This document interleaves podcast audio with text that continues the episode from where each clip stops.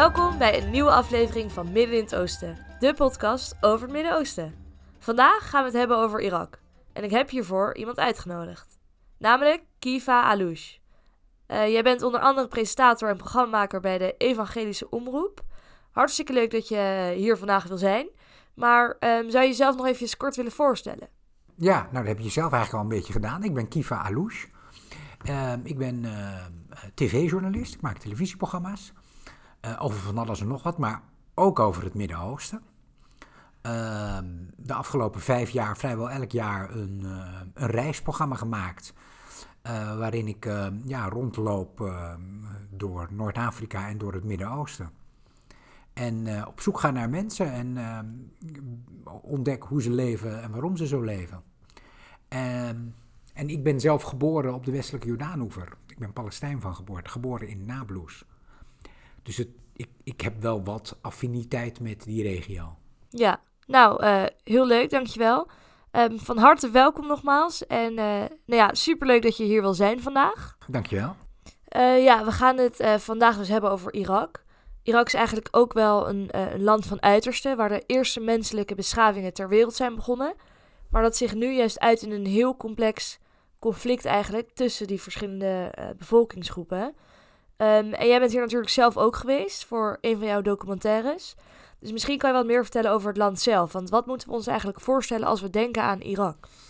Uh, Irak is een land in het Midden-Oosten. Uh, het, het is een heel groot land. En het is een heel complex land, maar die complexiteit staat eigenlijk wel voor uh, hoe het in het Midden-Oosten is. Um, en hoe leg je dat uit? Nou, de, het, is een land dat eigenlijk een constructie is. Een constructie is die niet op natuurlijke wijze is ontstaan, zoals landen en naties ontstaan.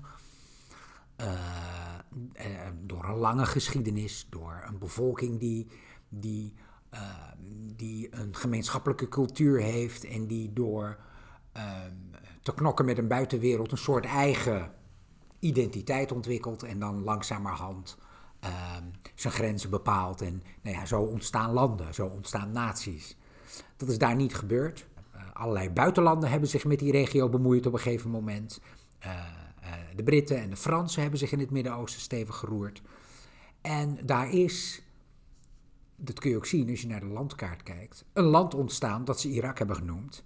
Dat er, als je op de landkaart kijkt, ook echt, dan zie je dat dat met, uh, dat dat met een liniaal uh, uh, en een potlood onderverdeeld is. En wat daardoor ontstaan is, is een land waarin je eigenlijk kunt spreken, heel grofweg hoor, van um, drie regio's van drie grootse groepen die bij elkaar gestopt zijn. Dat zijn Soenitische Arabieren. Het zijn Shiïtische Arabieren die heel erg dicht tegen Iran aan zitten, ook qua cultuur. En in het noorden um, de Koerden. Dat zijn eigenlijk de drie grote groepen die daar samen zijn gestopt in één land. Uh, die toch grote verschillen met elkaar uh, vertonen, maar toch met elkaar opgescheept zaten. En wat er dan heel vaak gebeurt in de geschiedenis, in koloniale geschiedenis, zie je dat op andere plaatsen ook, is dat één groep door de kolonisator lichtelijk bevoordeeld wordt, allerlei plekken krijgt in het bestuur. En op het moment dat zo'n kolonisator dan weggaat, dan blijft die groep vrij bevoorrecht achter. En nou ja, dan, dan, dan ontstaan er allerlei, ontstaat er allerlei scheefgroei, waardoor andere groepen onderdrukt worden ja. uh, door die ene groep. Nou, dat is in Irak ook gebeurd. Daarnaast speelt nog dat er in Irak nog veel meer andere, kleinere groepen zijn, die er ook al eeuwenlang zitten en ook zich daarop beroepen. Dus ook vinden dat zij de oorspronkelijke bewoners zijn van die plek. Maar was het voor het, uh, het kolonialisme was het land toen ook al zo erg verdeeld met die verschillende bevolkingsgroepen? Ja, die, die, die, kijk, voor het kolonie, voordat de Europese kolonisatoren uh, kwamen, to, uh, uh, het, het, is natuurlijk nooit gewoon een land geweest. Het is nee. niet één land geweest. Um, er hebben vele rijken hebben daar gezeten. En voordat de Britten kwamen, zaten de Turken er met het Ottomaanse Rijk. Um, ja, ehm, dan maak je gewoon deel uit van een heel groot rijk. Ja. eh, met, eh, met een, eh, met een, eh, met een, eh, met een, een, een, een legermacht die daar dan eh, de baas eh, eh, is. En jij gaat gewoon je eigen gang. Ehm, kijk, vanaf, de, de dingen zijn in een katalysator terechtgekomen vanaf het moment dat er een aparte staat is ontstaan. Dat die Irak heet, waar één groep dominant was en de andere groepen niet. Ja. En waarbij die groep, om zijn dominantie te behouden, eh, in, de vorm van Saddam Hussein, al die andere groepen onderdrukte. Eh, eh, dus de Assyrische christenen, die, werden, eh, eh, eh, die, ehm, die speelden een ondergeschoven rol. De Shiiten in het zuiden, de Koerden in het noorden. ehm, om over kleinere groepen als Jezidis en, ehm, nou ja, er zijn nog tal van andere kleinere groepen, van Seldsjuken tot weet ik veel Ja. wat, wat daar rondloopt. Maar komt dit dan denk je door de komst van de Britten die natuurlijk in 1917 eh, kwamen? Of eh, ja, is dat eigenlijk het gevolg van hun aanwezigheid? Eh, want wat veranderde er precies in Irak toen, toen de Britten kwamen? Ehm, eh, op zich veranderde er door de komst van de Britten niet zoveel. Want het was weer gewoon weer iemand anders die de baas werd. Zonder dat ze dat zelf waren. Maar ehm, het was eigenlijk meer het, het vertrek van de Britten en de Fransen in heel het Midden-Oosten. wat voor die problemen zorgde. Want die, de Britten en de, en de Fransen gingen het eerst onder elkaar verdelen. Dat leverde al kunstmatige grenslijnen op. En volgens toen ze weggingen, lieten ze landen achter, staten achter, die niet op een natuurlijke manier ontstaan waren. Ehm, dus dat is eigenlijk het probleem. Het probleem is, toen de Britten weggingen, bleef er een Irak achter met drie grote groepen die het samen moesten rooien, die dat nooit daarvoor hadden uitgevochten met elkaar. Dus, ja, dat je een constructie hebt van een land waar ehm, je eh, ja, ja, drie grote groepen naast elkaar hebt, die, die, die nou ja, die, eh, wat, het zou eigenlijk veel natuurlijker zijn geweest als er drie landen waren geweest. Nou, eh, dus toen de Britten weggingen, eh, hadden ze een koning aan de macht gezet. Maar dit was niet voor lang, want de Irake- Irakezen hebben uiteindelijk de koning de deur uitgegooid in 1958, als ik het eh, goed heb. Eh, maar wie kwam er daarna aan de macht? Hoe werd het land daarna geregeerd? Was dit het moment dat de baatpartij opkwam? Ja, ja.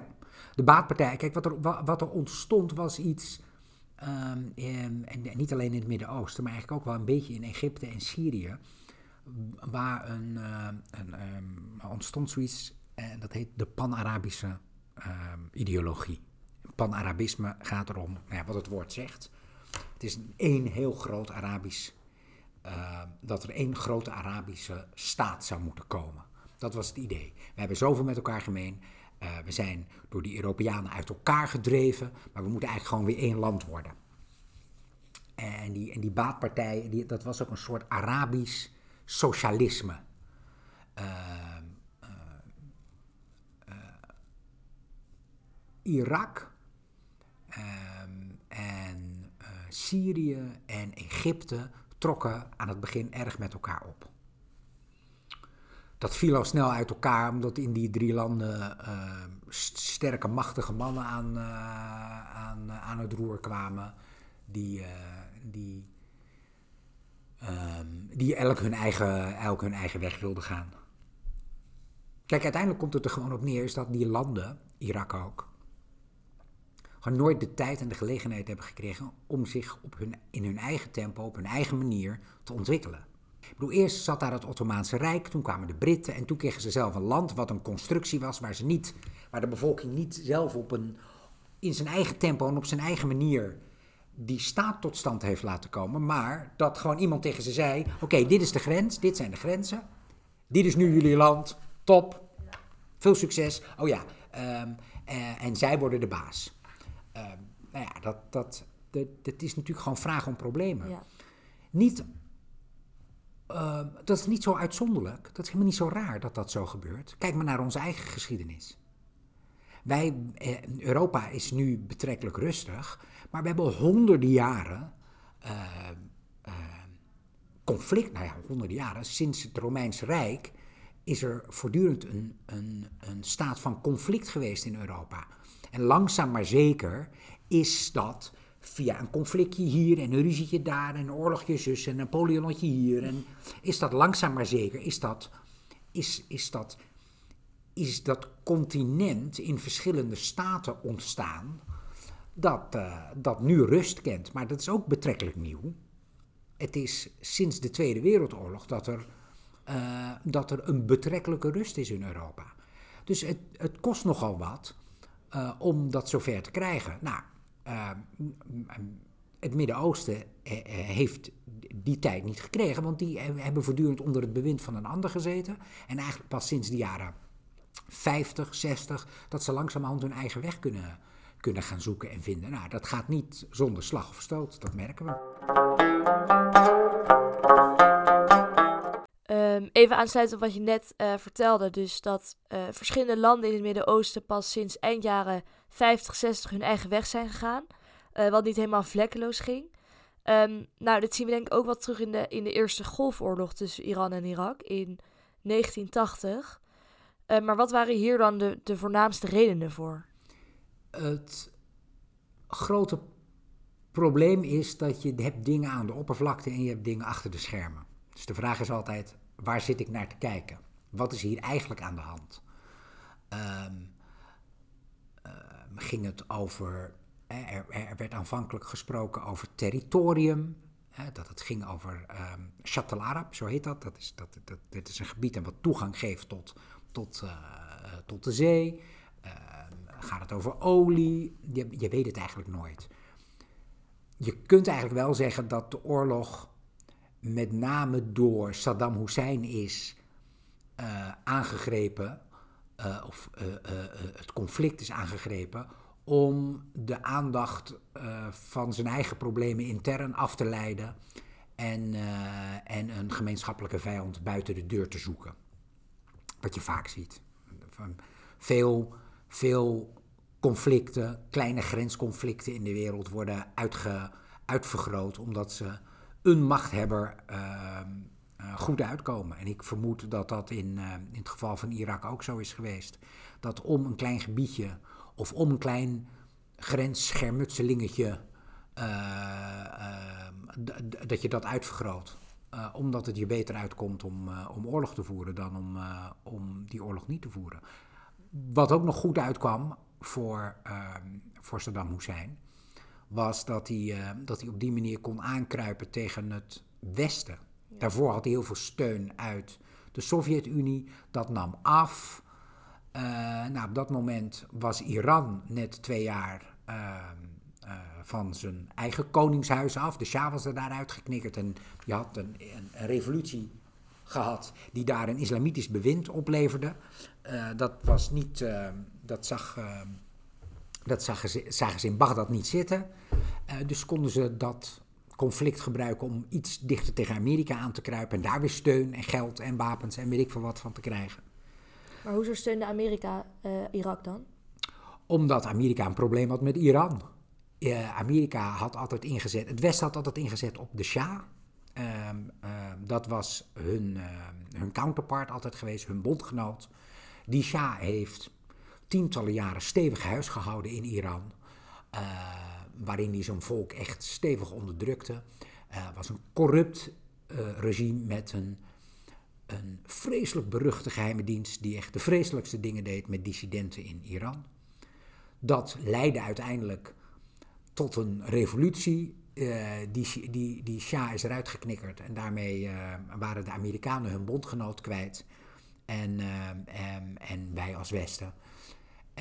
Daar kwam een islamitisch regime voor in de plaats dat die dikke vriendschap tussen de Amerikanen en het Westen met die Shah gebruikte als, nou ja, als marketing tool waarmee ze um, um, de de vijandschap die ze hadden tegenover die Shah vereenzelvigde met het Westen. Uh, en ze dus Amerika als grote vijand uh, bestempelden. Nou ja, dat, uh,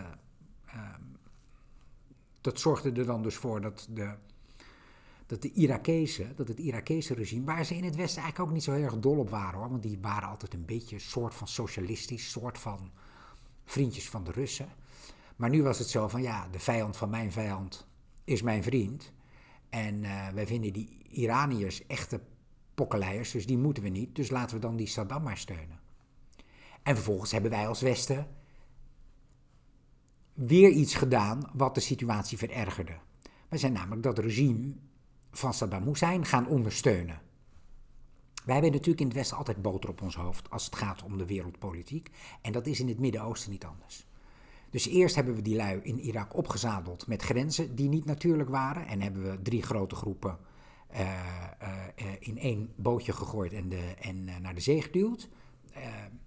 vervolgens hebben we die daar lekker laten sudderen met, een, met dictatoriale regimes.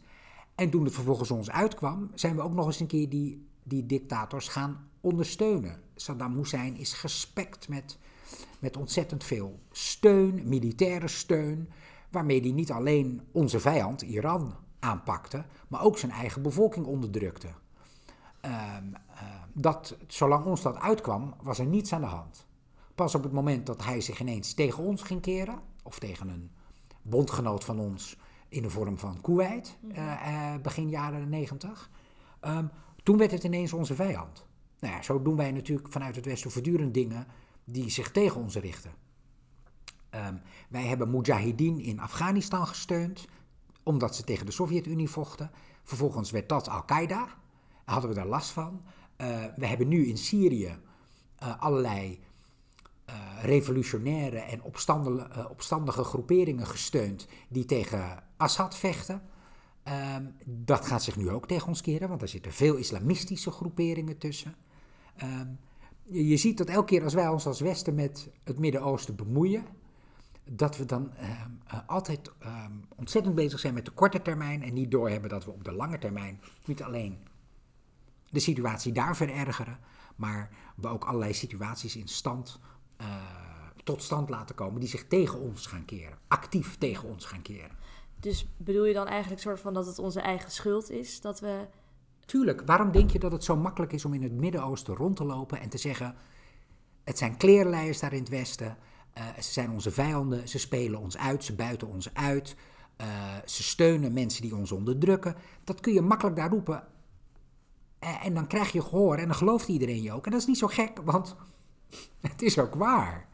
Uh, dat doen we natuurlijk ook. Ik bedoel, jij en ik persoonlijk niet. Nee.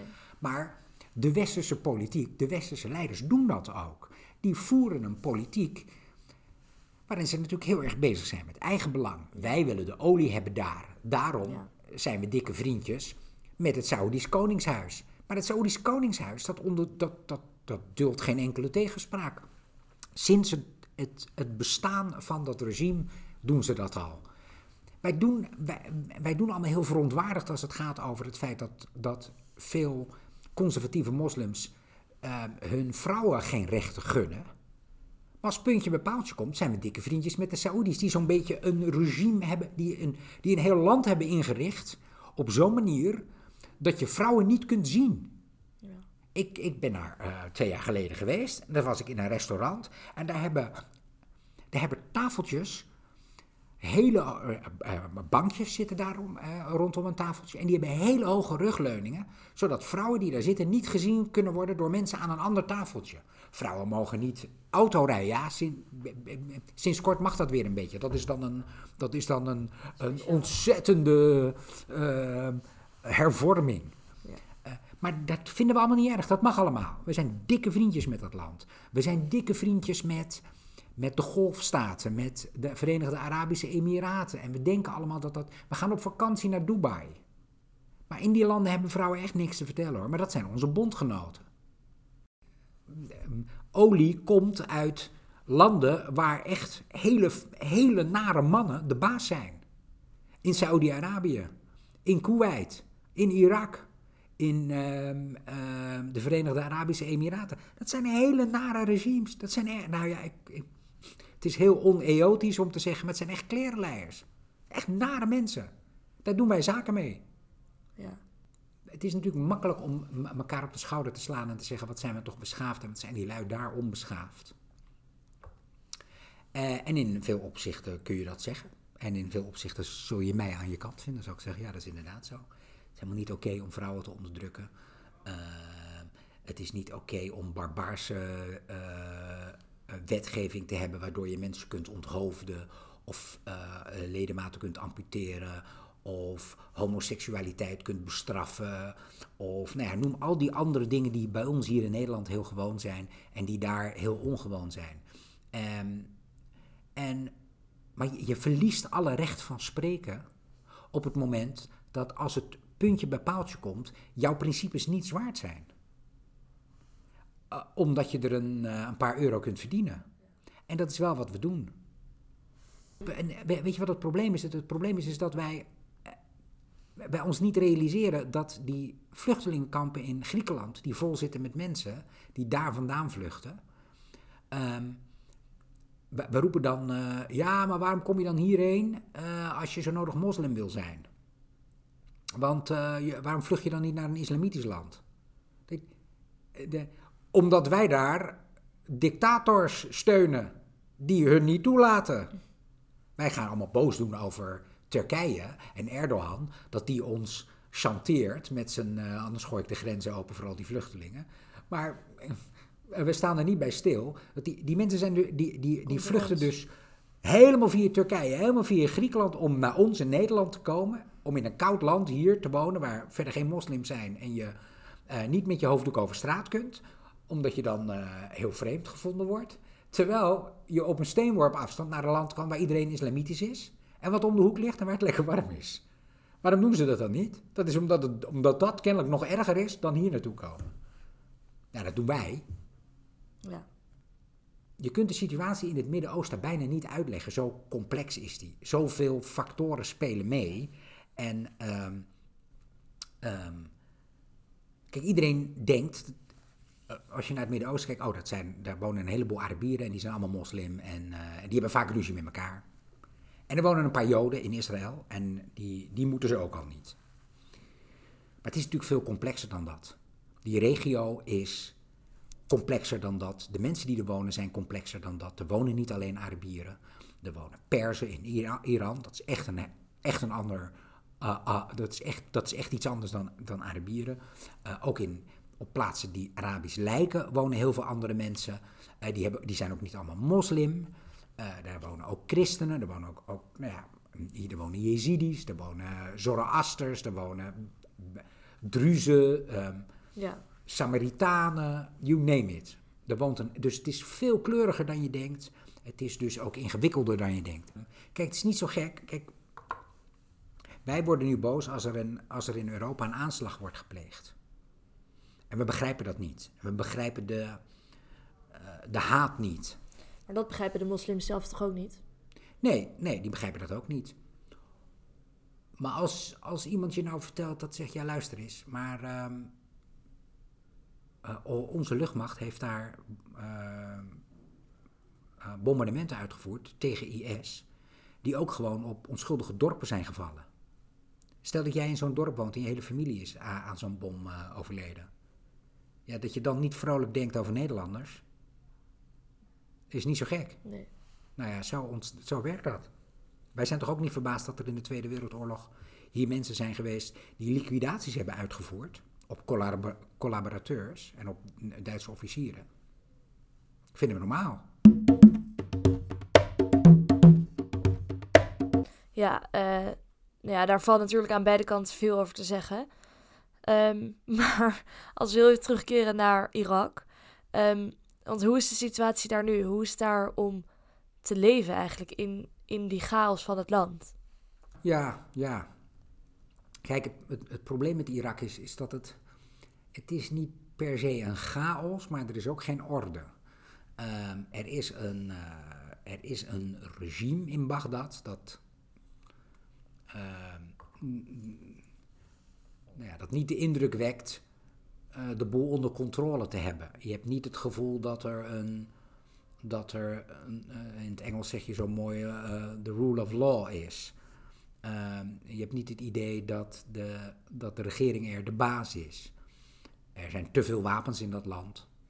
Ehm, in, dat, in, dat, in die autonome regio, Koerdistan, he, heeft Bagdad sowieso niet, niet zo heel veel te vertellen. Dat, dat is weer een autonome regio, dus daar, daar hebben de Koerden het voor het zeggen. maar ook in Koerdistan wonen, daar is het betrekkelijk rustig. Uh, maar daar wonen niet alleen Koerden. Daar, daar wonen Jezidi, daar wonen uh, Assyriërs.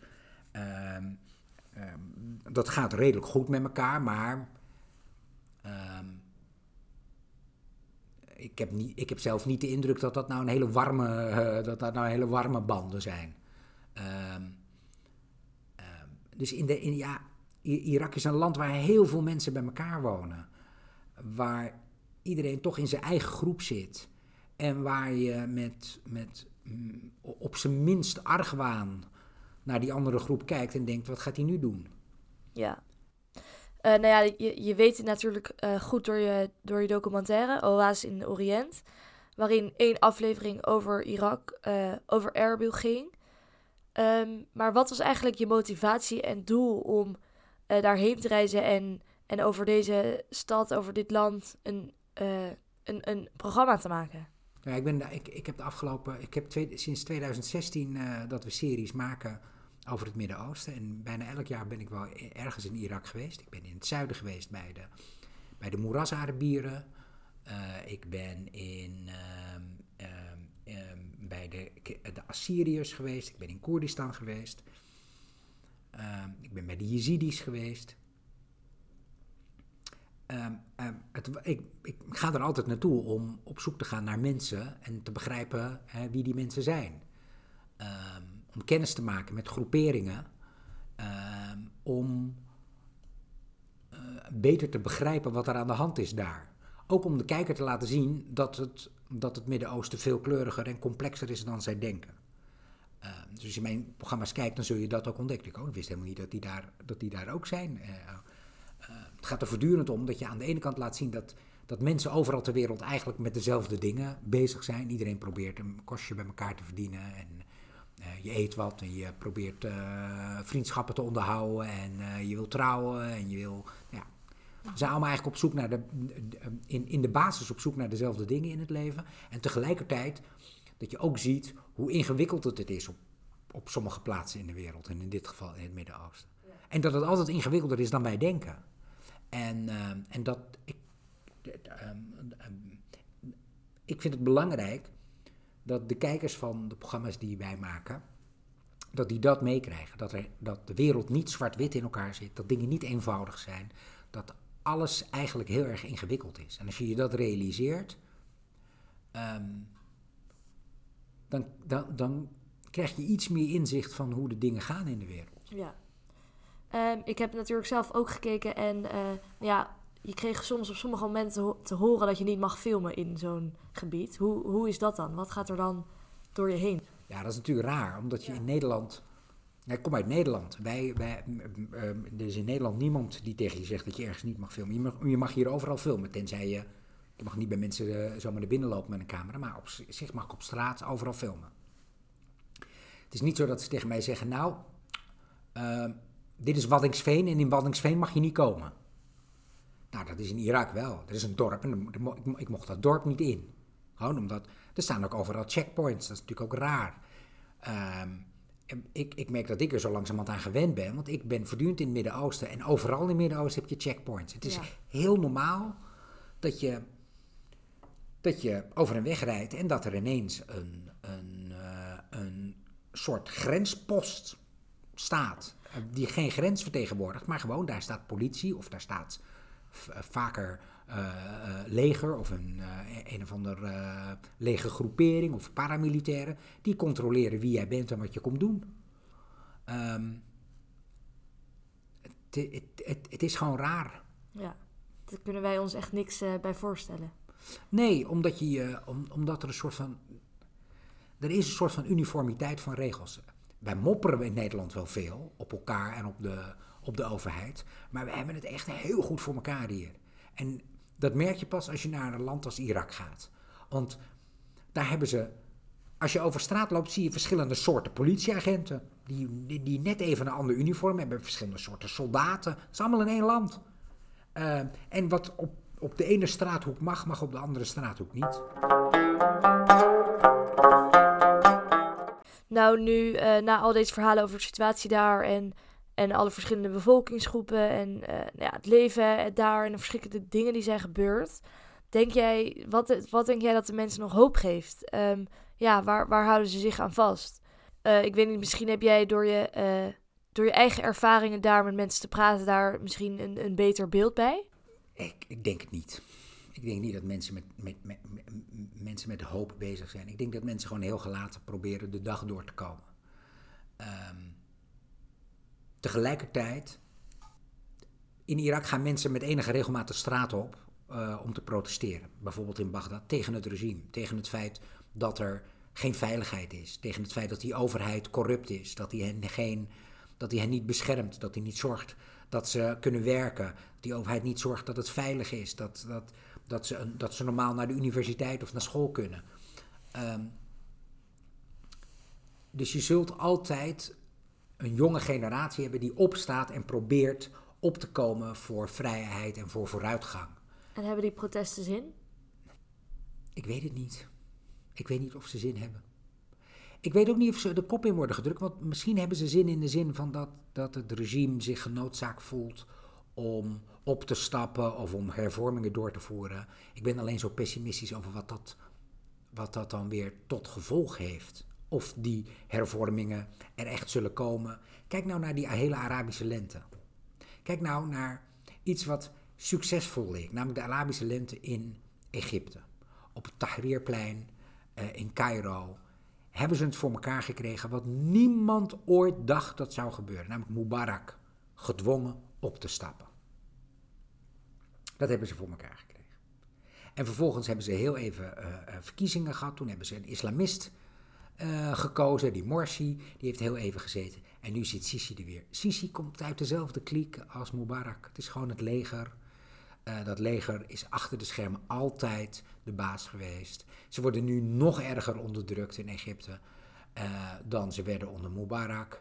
En het is nog steeds dezelfde corrupte bende die, die de baas is. Er is niks veranderd. Ja, en helaas zal, zal het ook niet op binnen, de, binnen de korte termijn veranderen. Maar um, ondanks deze keiharde realiteit en waarheid, hoe het in die landen is, wat jij ook net vertelt, um, hoop ik toch wel dat die mensen daar uh, nou ja, ergens hoop in kunnen, kunnen houden of, of ergens in geloven voor een uh, beter toekomstperspectief. Ja, ja.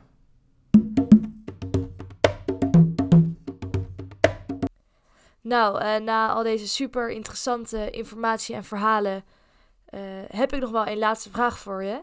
Um, want heb je nog tips voor luisteraars die meer over dit onderwerp uh, zouden willen weten? Um, nou, de belangrijkste tip die ik kan geven is: als je de wereld wil begrijpen, lees dan het boek De Zijderoutes van Pieter Frankopan.